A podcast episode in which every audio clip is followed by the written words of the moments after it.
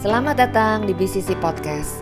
Sebentar lagi kita akan mendengarkan bersama kebenaran firman Tuhan yang kami yakin dapat memberkati dan menambah pengenalan Anda akan pribadi Yesus Kristus. Dari GBI Blessing Central City, selamat mendengarkan. Tema khotbah saya hari ini adalah kenapa Abraham diberkati. Ini sesuatu yang sangat menarik saudaraku yang harus kita bahas, kenapa sih kok Abraham hidupnya ya, kok bisa diberkati Tuhan begitu. Kenapa kok Abraham hidupnya bisa mengalami yang namanya penggenapan firman Tuhan. Kenapa sih kok Abraham selalu bisa mendengarkan suara Tuhan? Dan sebab itu kita akan belajar hari ini buka firman Tuhan Kejadian pasalnya yang ke-22 ayat pertama sampai ke-19. Bapak dan Ibu, kalau saya bertanya, siapakah yang mau hidupnya pas-pasan? Tidak ada seorang pun yang menjawab. Karena semuanya ingin hidupnya berhasil. Karena semuanya ingin hidupnya sukses. Tidak ada kegagalan dalam kehidupannya. Jadi saudara sepakat ya, kalau saya bertanya, siapa yang mau diberkati? Siapa yang mau hidupnya sukses? Siapa yang mau hidupnya berhasil? Saya yakin semuanya pasti serempak. Langsung menjawab, iya pak, saya mau itu semua. Namun saya ingin katakan kepada saudara, untuk mencapai sebuah goal itu harus ada langkah-langkah yang dijalankan. Harus ada langkah-langkah yang dikerjakan. Dalam bahasa rohaninya saudaraku, ada harga yang harus kita bayar. Harus ada harga yang kita bayar. Alkitab sudah mencatat di Matius 6 ayat yang ke-33, Tuhan katakan carilah dahulu kerajaan Allah dan seluruh kebenarannya, maka semuanya itu akan ditambahkan kepadamu. Ini jelas. Ketika kita mencari kerajaan Allah dan seluruh kebenarannya, mendahulukan Tuhan, membuat skala prioritas kita yang paling penting adalah untuk Tuhan, semua untuk Tuhan. Tuhan katakan, semuanya itu akan ditambahkan kepadamu. Banyak kita menuntut Tuhan, Tuhan berkati hidupku. Tetapi kita tidak mau mencari kerajaan Allah dan seluruh kebenarannya. Itu tandanya kita tidak mau bayar harga. Mencari kerajaan Allah dan seluruh kebenarannya Ketika kita hidup di dalam kebenaran, ketika kita hidup dalam kekudusan, ketika kita beribadah dengan setia, itu mengutamakan kerajaan Allah. Kadang kita berdoa aja malas, tapi mau hidupnya diberkati Tuhan. Kadang baca firman Tuhan saja, ya kalau saya ada waktu saya baca firman Tuhan. Ya kalau saya sedang lagi mood saya baca firman Tuhan. Kok yang begitu kok mau ya diberkati oleh Tuhan? Tetapi kalau kita mendahulukan kerajaan Allah dan seluruh kebenarannya, Tuhan katakan semuanya itu akan ditambahkan kepadamu. Hari ini kita akan belajar dari Abraham. Kenapa sih kok Abraham hidupnya selalu bisa berhasil? Mengapa Abraham hidupnya bisa sukses bahkan diberkati oleh Tuhan? Abraham mengalami penggenapan janji-janji Tuhan di dalam kehidupannya. Yang pertama, saudaraku, Abraham memilih untuk mengalah. Mengalah dalam hal apa, Pak? Dalam hal segalanya. Ini dimulai ya dari gembala Abraham dan gembala Lot. Dia memperebutkan tanah atau lahan untuk ternak-ternak mereka. Jadi gembala Abraham dan gembala Lot ini bertengkar. Mereka berkelahi merebutkan tanah. Nah saudara dikasih oleh Tuhan, karena Abraham itu orangnya suka mengalah ya. Dia orangnya tidak mau bertengkar, dia orangnya nggak mau tuh ribut-ribut. Dia ngomong sama Lot begini, oke lah Lot, kamu pilih tanah yang mana kamu mau. Nanti sisanya itu baru buat aku. Ini hebat. Ini sikap yang menyenangkan hati Bapak di surga. Kalau Lot memilih yang tanah yang di utara, Abraham memilih tanah yang di selatan. Kalau Lot memilih tanah yang di barat, Abraham memilih tanah yang di timur. Dia mau mengalah. Dia tidak mau bertengkar. Akhirnya saudaraku, Lot melihat ada tanah yang sangat hebat yang bernama Sungai Yordan di lembah Yordan. Tanahnya subur, banyak air di sana. Seperti taman Tuhan, seperti di Mesir ada susu dan madu di sana. Dan Lot memilih lembah Yordan. Dan apa yang terjadi saudara dikasih oleh Tuhan? Apa yang dipilih Lot adalah yang dipilih oleh manusia. Menurut kasat mata itu bagus, subur. Ternyata itu menjadi kota yang namanya Sodom dan Gomora. Kota yang dihancurkan Tuhan. Tetapi Abraham memilih Kanaan. Di situlah Allah memberkati Abraham secara limpah. Memang seperti kasat mata saudaraku kelihatannya kok Lot itu untung banyak ya bisa memilih dulu. Tapi yang diperhatikan, kita perhatikan Abraham saudaraku. Dia mau mengalah dan menjauhi pertengkaran. Bagaimana dengan kita? Karena sikap inilah yang menyenangkan hati Tuhan. Kalau orang dunia berkata, kalau aku benar buat apa aku mengalah? Nanti dia bisa nginjak-nginjak aku pak. Kalau aku benar aku nggak mau ngalah. Nanti aku bisa diremehkan. Aku bisa diinjak-injak. Karena aku ada harga dirinya. Itu orang-orang yang keras kepala yang tidak mau mengalah. Tapi kalau orang rohani berkata, ya aku mengalah enggak apa-apa. Yang paling penting kita tidak bertengkar. Yang paling penting kita ada damai. Yang paling penting ini semua untuk kebaikan bersama. Wow, ini hebat saudaraku. Abraham memilih untuk mengalah. Di dalam sebuah keluarga pun juga seperti itu. Kalau masing-masing suami dan istri dengan sifat keegoisannya, aku yang benar, engkau yang salah Lalu pasangannya juga berkata, wis gak bisa. Kamu yang salah, aku yang benar. Keluarga itu saya percaya tidak ada damai dan selalu bertengkar. Kadang kala ya saudara, dengan peristiwa yang kecil aja sebuah keluarga itu bisa bertengkar. Masalah pencet odol aja pak, bisa bertengkar. Ketika saya menikah sama istri saya,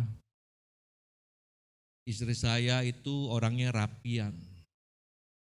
Semua tertata. Beda sama saya. Kalau saya kalau taruh barang agak sembrono, kok dia rapi saudara. Itu sudah perbedaan. Nah waktu pencet odol saudaraku, dia pencet odolnya itu dari bawah rapi sekali. Tapi kalau saya pencet odolnya dari berbagai sisi, dari atas ke mau tengah, yang paling penting odolnya keluar, bener gak saudara? Bisa bertengkar lu sama dia. Dia bilang pencet odol itu dari bawah, jangan dari tengah. Jangan dari atas, jangan sembarangan pencet. Bertengkar saudara. Akhirnya bagaimana solusinya? Hari pertama pencet odol dari bawah. Hari kedua pencet odol dari tengah. Kan itu solusi saudara. Bisa bertengkar loh. Kalau kita tidak mau mengalah.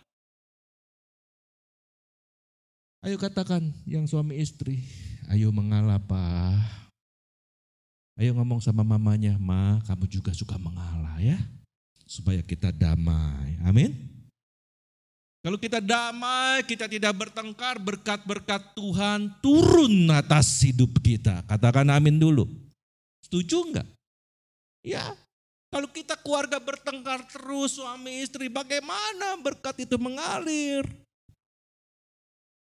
Abraham memilih untuk mengalah. Dan ketika dia mengalah, Tuhan memberkati Abraham. Di dalam bekerja juga boleh kita harus memiliki sikap yang mengalah. Apalagi kalau kita bekerja ada atasan kita. Ya kalau namanya atasannya namanya juga bos ya. Dia kalau ngomong seenak kudelnya, memperjaga-jagan kita ya seenaknya juga. Kadang-kala seperti kita kerja rodi begitu. Tapi yang paling penting kita mengalah. Amin saudaraku. Kok nggak ada yang amin nih? Nah itu, itu yang amin setuju. Di dalam melayani Tuhan juga harus saudara saling mengalah. Ini tadi saya lihat simponinya bagus banget saudara. Semua bisa memainkan lagu yang baik kalau semuanya pada porsinya tidak dengan keegoisannya. Kalau drumnya mau kencang sendiri, tutup semua. Kalau yang main keyboard maunya menang sendiri, teng tong tang tong tang tong semuanya ketutup. Tapi kalau semuanya sama-sama mau mengalah, itu menjadi semponi yang indah. Amin saudaraku. Ternyata sikap mengalah itu menyenangkan hati Bapa di surga. Yang kedua, yang saya pelajari, kenapa Abraham hidupnya bisa berhasil, mengapa Abraham hidupnya bisa sukses dan diberkati Tuhan. Yang kedua, Abraham memilih untuk percaya. Yuk kita lihat dulu kejadian pasalnya yang ke-17 pasal 17, kejadian pasal 17 ayat 19. Dikatakan demikian. Tetapi Allah berfirman, tidak, melainkan istrimu Saralah yang akan melahirkan anak laki-laki bagimu. Dan engkau akan menamai dia Ishak dan aku akan mengadakan perjanjianku dengan dia menjadi perjanjian yang kekal untuk keturunanmu. Sewaktu Abraham menerima janji Tuhan, umur Abraham itu sudah mencapai 99 tahun. Dan istrinya Sarah berumur 90 tahun. Tetapi Tuhan berfirman kepada Abraham bahwa istrimu Sarah itu yang akan melahirkan keturunan ilahi dan keturunan ilahi itu yang akan memberkati segala bangsa. Itu janji Tuhan. Dan apa yang dijanjikan Tuhan, Tuhan menggenapi. Allahku dan Allahmu tidak pernah berdusta atas janjinya. Katakan amin. Apa yang difirmankan pasti akan terjadi. Dan terjadilah bahwa Sarah mengandung. Ini suatu hal yang sangat mustahil Pak. Bu, sangat mustahil. Karena Sarah sudah berumur 90 tahun. Secara hukum alam, orang-orang yang sudah mati head, yang sudah metapause, sudah tidak dapat lagi melahirkan punya anak itu udah nggak mungkin. Tapi Abraham memilih untuk percaya kepada Tuhannya. Ini yang menyenangkan hati Tuhan. Dia percaya saja apa yang dikatakan Tuhan. Kalau Tuhan berfirman, Sarah yang akan mengandung keturunan ilahi untukmu. Dia percaya walaupun secara kasat mata. Ini mustahil bagi manusia. Gak mungkin Sarah sudah tua. Jalan aja udah bongkok-bongkok 90 tahun. Tapi masih bisa punya anak. Bagi Tuhan, tiada perkara yang mustahil. Katakan amin. Ya, kejadian pasal 21 kita lihat. Supaya saudara tahu apa yang terjadi, sikap apa sih yang Abraham lakukan sehingga Abraham itu menyenangkan hati Bapa di surga. Dan ketika hati Bapa di surga, maka berkat itu mengalir dalam kehidupannya. Kejadian pasalnya yang ke-21 Ayat ke-1 sampai ke-2 firman Tuhan berkata begini. Tuhan memperhatikan Sarah seperti yang difirmankannya dan Tuhan melakukan kepada Sarah seperti yang dijanjikannya. Maka apa saudara? Mengandunglah Sarah. Lalu ia melahirkan seorang anak laki-laki bagi Abraham dalam apa? Masa tuanya pada waktu yang telah ditetapkan sesuai dengan firman Allah kepadanya. Jadi kalau Tuhan sudah berjanji kepada umatnya pasti akan digenapi. Katakan amin.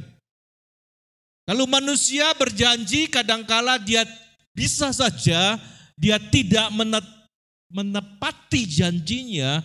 Dia bisa saja dia ingkar janji. Tetapi kalau Tuhan sudah berjanji, pasti akan digenapi.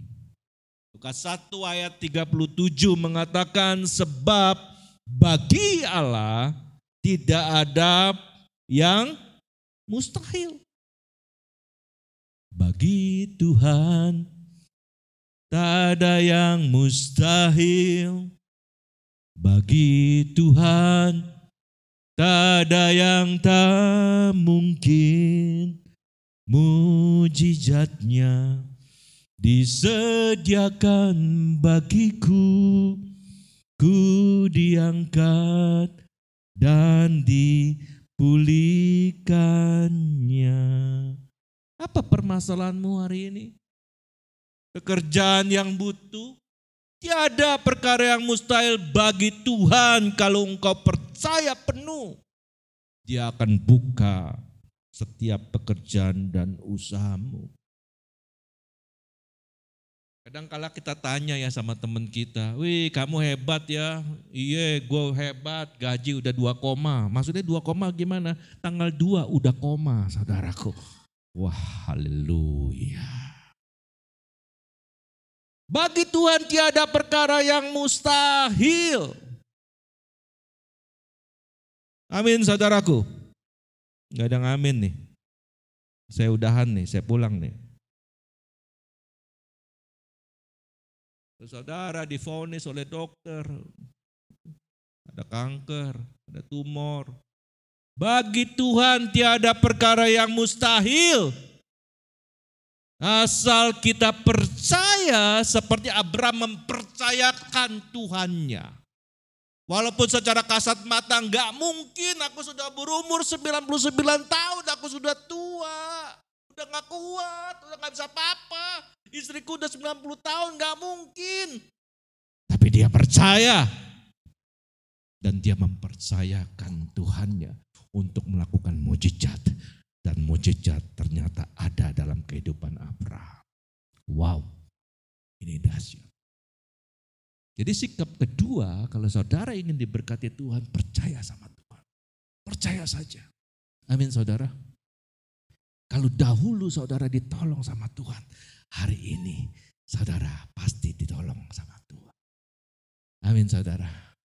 Kalau dahulu saudara diberikan jalan keluar, untuk saudara bisa menang atas segala masalah saudara hari ini. Tuhan yang sama akan memberikan kau jalan keluar. Amin. Seperti dia memberikan Musa ya jalan keluar. Laut tebrau bisa terbelah. Haleluya. Yang ketiga, saudaraku, memiliki iman. Katakan bersama, memiliki iman. Kejadian pasalnya yang kedua, firman Tuhan berkata begini. Setelah semuanya itu Allah mencoba Abraham. Ya. Setelah semuanya itu Allah mencoba Abraham. Mencoba Abraham sinonim atau sama dengan menguji. Jadi Allah menguji iman Abraham sebelum Abraham mendapatkan sebutan bapa orang beriman, sebelum Abraham mendapatkan sebutan bapa segala bangsa, bapa orang percaya, Allah menguji Abraham. Mengapa Allah perlu menguji Abraham? Maksudnya adalah ingin membuktikan kemurnian Abraham. Apakah Abraham ini benar-benar mengasihi Tuhan atau tidak? Jadi diperlukan yang namanya ujian. Karena banyak sekali kita berkata, Tuhan, aku mengasihi Tuhan. Apa buktinya? Apa tindakan kita ketika kita berkata, Tuhan aku mengasihi engkau. Kalau ibadah saja masih telat kok mengatakan mengasihi Tuhan. Kalau doa aja nggak pernah kok mengatakan mengasihi Tuhan. Kalau ibadah aja masih on off on off lagi mood baru ibadah. Kok bisa mengatakan mengasihi Tuhan? Beda dengan Abraham. Perkataannya sama tindakannya itu berbanding lurus. Kalau dia katakan Tuhan, aku mengasihi Tuhan, dia buktikan dengan tindakan yang nyata. Jadi saudaraku, kepercayaan, ketaatan, dan kesetiaan yang tidak melewati yang namanya ujian itu bisa disangsikan kemurniannya. Sebagai contoh, di dalam dunia ini sering kali digunakan ujian untuk memastikan keberhasilan atau kegagalan seseorang. Dulu kita semua pernah sekolah ya, kita pernah menjadi murid. Seorang murid yang ingin naik kelas, yang ingin lulus harus menempuh yang namanya ujian dulu. Baru ketika dia lulus dalam ujian itu baru dinyatakan lulus. Atau ketika kita masuk ke perguruan tinggi untuk mendapatkan sebuah gelar, saudaraku, ini juga harus melalui yang namanya ujian dulu. Gak bisa saudara langsung namanya misalkan David Lukman SE tapi tidak melalui ujian, nggak bisa. Harus mendapatkan mendapatkan gelar itu harus melalui ujian dulu. Ketika kita lulus ujian baru dapat gelar itu. Contoh lagi, ketika saudara ingin bekerja, nggak gampang langsung masuk. Itu ada namanya HRD yang rekrut karyawan. Dia lihat dulu ini orang kapasitasnya bagaimana. Dia lihat dulu integritasnya bagaimana. Dia lihat dulu semua. Dia lihat dulu data-data pribadinya seperti gimana. Kalau lulus, baru dia bisa masuk kerja. Nah, untuk mendapatkan sesuatu yang fana saja harus melalui ujian, apalagi kalau kita menerima perkara-perkara yang besar dan ajaib dari Tuhan. Oleh sebab itu Tuhan mencoba atau menguji Abraham apakah Abraham benar-benar mencintai Tuhan. Tapi luar biasa saudara dikasih oleh Tuhan. Abraham memiliki iman yang besar kepada Tuhan. Kenapa saya bisa katakan seperti itu? Di ayat kelima saudaraku, ini membuktikan bahwa Abraham memiliki iman kepada Tuhan. Kejadian pasal ke-22 ayat kelima dikatakan begini saudara dikasih oleh Tuhan. Perhatikan ini. Kata Abraham kepada kedua bujangnya itu, tinggallah kamu di sini dengan keledai ini, aku beserta anak ini akan pergi ke sana.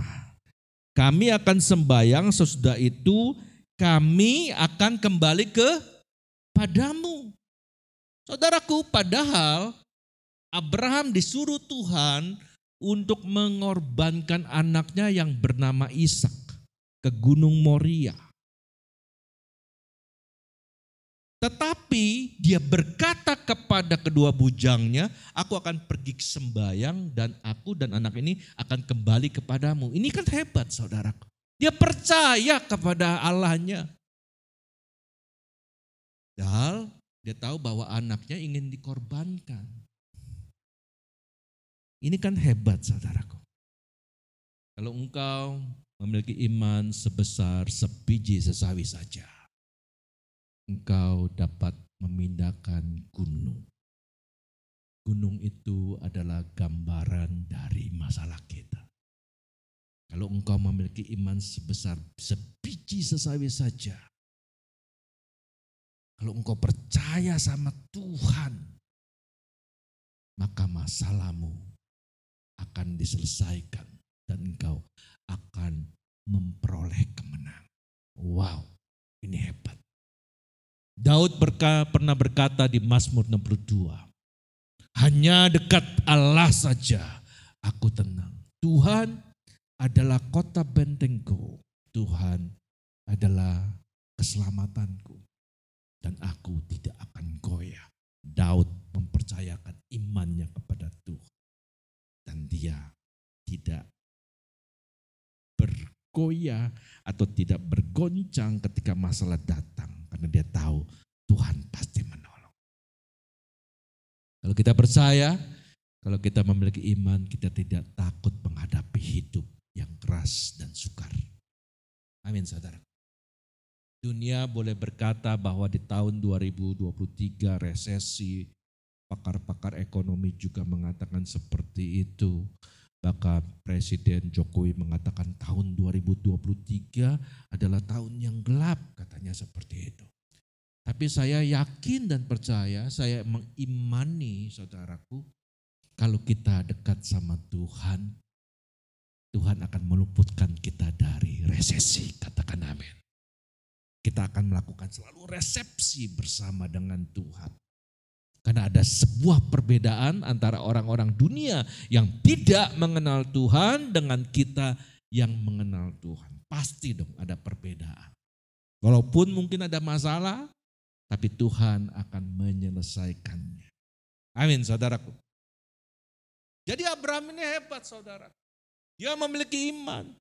Padahal dia tahu bahwa anaknya itu akan dikorbankan, tetapi dia memakai iman kepercayaan dia dia berkata, kamu tunggu di sini. Aku akan sembahyang, nanti aku, aku akan kembali kepadamu. Ini kan hebat, saudaraku. Iman yang kedua, saudaraku, di ayat yang ke-8, saudaraku. Saud Abraham, Allah yang akan menyediakan anak domba untuk korban bakaran baginya anakku, demikianlah keduanya berjalan bersama-sama. Jadi anaknya bertanya si Ishak. Di ayat 7 dia bertanya begini, Bapak di sini kan sudah ada api, sudah ada kayu. Lalu mana anak domba yang untuk bakarannya kok nggak ada ya? Kok nggak dibawa ya? Ishak bertanya sama Abraham seperti itu. Tapi dengan iman, Abraham berkata, Tuhan yang akan menyediakan korban bakaran itu. Tuhan yang akan menyiapkan domba itu. Itu kan iman. Padahal dia tahu bahwa anaknya yang harus dikorbankan. Tapi dia berkata, Tuhan nanti yang akan menggantikan domba itu. Milikilah kita iman. Amin. Iman itu timbul dari pendengaran firman Tuhan. Amin saudaraku. Semakin kau banyak mendengar firman Tuhan, iman kita semakin lama, semakin bertumbuh. Dan kita menjadi orang-orang yang dewasa secara rohani. Yang keempat, saudara, mengapa Abraham diberkati Tuhan? Abraham memilih untuk taat. Kejadian pasal ke-22 ayat yang kedua. Diklik lagi. Firmannya, ya Tuhan berkata kepada Abraham, ambillah anakmu yang tunggal itu, yang kau kasihi, yakni Ishak. Pergilah ke tanah Moria dan persembahkan dia di sana sebagai korban bakaran pada salah satu gunung yang akan kukatakan kepadamu. Seumpama Tuhan berkata kepada kita, korbankan anakmu Dev, bawa kepadaku. Mau nggak lakukan? Belum tentu. Enak aja Tuhan. Aku ini Tuhan berusaha. Ada si Jefir, ada si Orly. Ini di masa umurku yang sudah tua loh. Kalau Abraham mengatakan, ini umurku pada tahun 99 tahun loh. Tahun umur dia kan 99 tahun kan. Ini di masa usurku loh. Ini anak kesukaanku. Ini anak yang kukasih. Maka itu firman Tuhan mengatakan, ambillah anakmu yang tunggal itu yang engkau kasih. Tuhan tahu nih. Ini Abraham ini sangat mengasihi Ishak nih.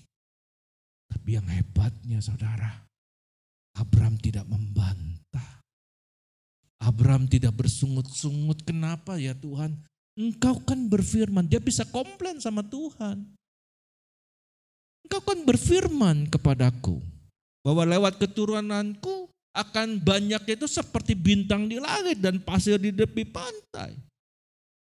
Dan lewat keturunanku akan banyak bangsa yang diberkati. Itu kan janjimu. Loh kenapa Tuhan engkau ingin mengambil kembali? Abraham tidak seperti itu. Dia tidak komplain sama Tuhan. Tapi dia taat sama perintah Tuhan. Ini menyenangkan hati Bapa di surga. Oleh sebab itu ketaatan itu sangat penting. Katakan kepada orang sebelah kanan, ayo kita taat. Katakan juga kepada orang yang kiri, ayo kamu juga taat. Ya. Saya membayangkan ya, sewaktu saya merenungkan firman ini saya membayangkan. Saya punya anak di usia yang sangat lanjut, anak tunggal. Saya membayangkan Abraham ya. Sudah lahir kan, Ishak kira-kira umurnya 10, umur 11. Tiba-tiba Tuhan katakan, korbankan kepada aku. itu hati Abraham itu saya percaya itu seperti teriris-iris dia begitu sedih. Sedih enggak kalau anak saudara mau diambil? Sedih enggak saudara? Anak satu-satunya loh. Kalau anaknya enam sih nggak apa-apa ya. Hilang satu nggak apa-apa, dah masih punya lima.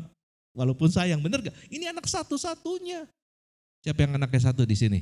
Nah, kalau memangnya saya tanya sama Stefanus, Nus, persembahkan Nina kepada Tuhan. Bisa nggak dia? Enak aja. Gua buatnya susah-susah.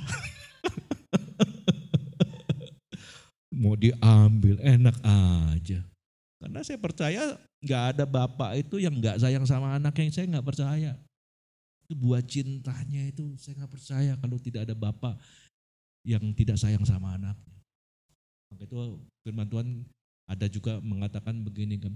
Seperti Bapa sayang anaknya. Iya. Demikian juga Abraham, saya membayangkan itu nggak mudah loh. Tapi ini hebat loh Abraham itu, dia memilih untuk taat loh sama Tuhan. Dia tidak komplain sama Tuhan, dia tidak menggerutu, dia tidak bersungut-sungut, dia lakukan saja. Alkitab mencatat untuk pergi ke Gunung Moria itu perjalanannya tiga hari. Tiga hari lama loh dengan berjalan kaki. Kemudian anaknya berkata, Pak, udah ada api, udah ada kayu, mana dombanya setiap perjalanan, setiap kali dia ngomong begitu. Coba gimana? Gimana Nus? Pusing gak sama si Nina kalau ngomong, Pak, ini udah ada kayu kan? Sudah ada api, mana dombanya, mana? Mana Pak? Setiap jam dia bertanya seperti itu, ini perjalanan tiga hari. Pusing gak kita sebagai bapak, saudara? Tapi dia selalu menenangkan, tenang anakku. Nanti Tuhan yang akan menyiapkan domba. Wow, ini keren. Maka itu tuh hati Tuhan tuh. Ketika Abraham menyenangkan hati Tuhan, itu berkat-berkat dan salurkan dalam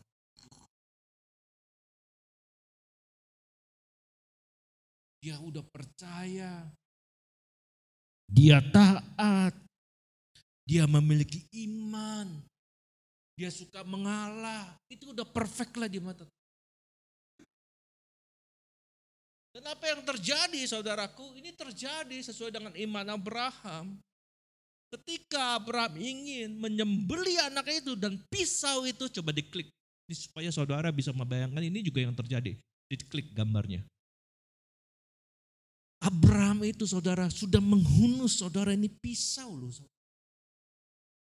Benar-benar dia ingin membunuh anaknya karena dia taat sama Tuhan, karena dia mengasihi Tuhan lebih dari anaknya. Dia mau bunuh. Tapi malaikat Tuhan berkata, Abraham, Abraham, jangan kau bunuh anak itu. Karena aku tahu bahwa engkau takut sama aku, engkau taat sama aku. Nah lewat ketaatan itu, Abraham menerima janji Tuhan. Lihat di ayat yang ke-16 sampai ke-17. Katanya, aku bersumpah demi diriku sendiri, demikianlah firman Tuhan, karena engkau berbuat demikian, dan engkau tidak segan-segan untuk menyerahkan anakmu yang tunggal kepadaku, maka aku akan memberkati engkau berlimpah-limpah dan membuat keturunanmu sangat banyak seperti bintang di langit dan seperti pasir di tepi laut. Dan keturunanmu itu akan menduduki kota-kota musuhnya. Oleh keturunanmu lah semua bangsa di bumi akan mendapatkan berkat karena engkau mendengar firman. Wow.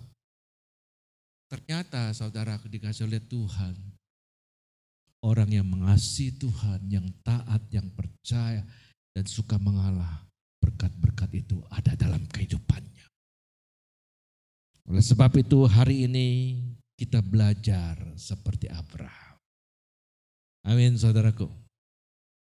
Saya percaya bahwa ada sesuatu yang saudara bisa petik dari firman Tuhan ini.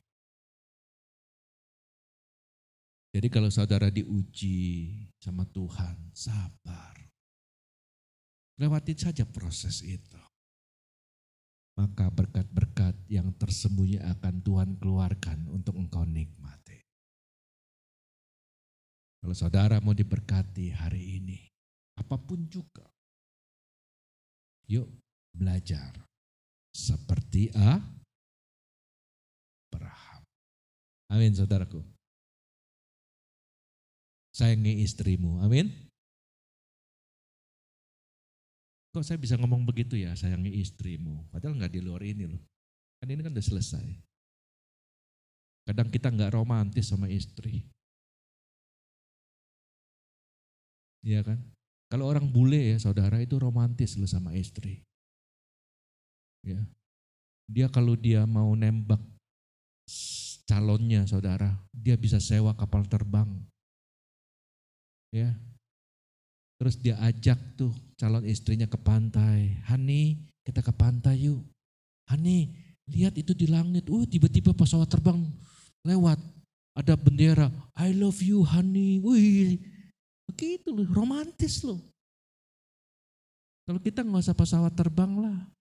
Naikin aja layangan, saudara. Ya, kasih spanduk, I love you Wati gitu. ya sekali-sekali kenapa sih senangin istrimu? Amin, amin, amin. Ini di luar konteks. Ya nggak apa-apa, saya mengalir aja. Ayo suami ngomong sama istrinya, mama, mama makin cantik. Ayo ngomong, ngomong. Ayo ngomong. ayo ngomong pak. Ayo ngomong, ayo ngomong. Ayo ngomong. Udah sering ngomong ya? Belum kan? Ayo ngomong. Itu tunggu, istrimu sudah menungguin tuh. Matanya sudah berbinar-binar. Ah, haleluya. Wih seneng. Amin, amin. Ngomong lagi, I love you mami. Yeah, keren itu baru.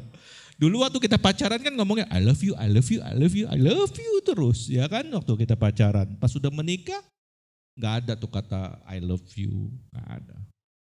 Ayo bangun lagi, amin saudara. Jangan ribut lah, jangan bertengkar lah suami istri berkat itu nggak ada saudara. Tapi kalau tidak ada pertengkaran, tidak ada perselisihan, maka berkat-berkat itu mengalir dalam kehidupanmu. Haleluya. Terima kasih telah mendengarkan BCC Podcast. Kami berharap firman Tuhan hari ini memberkati dan menguatkan Anda lebih lagi. Untuk informasi lebih lanjut mengenai GBI Blessing Centro City, Anda dapat mengaksesnya melalui Instagram at Blessing Centro City. Sampai bertemu di BCC Podcast minggu depan. Tuhan Yesus memberkati.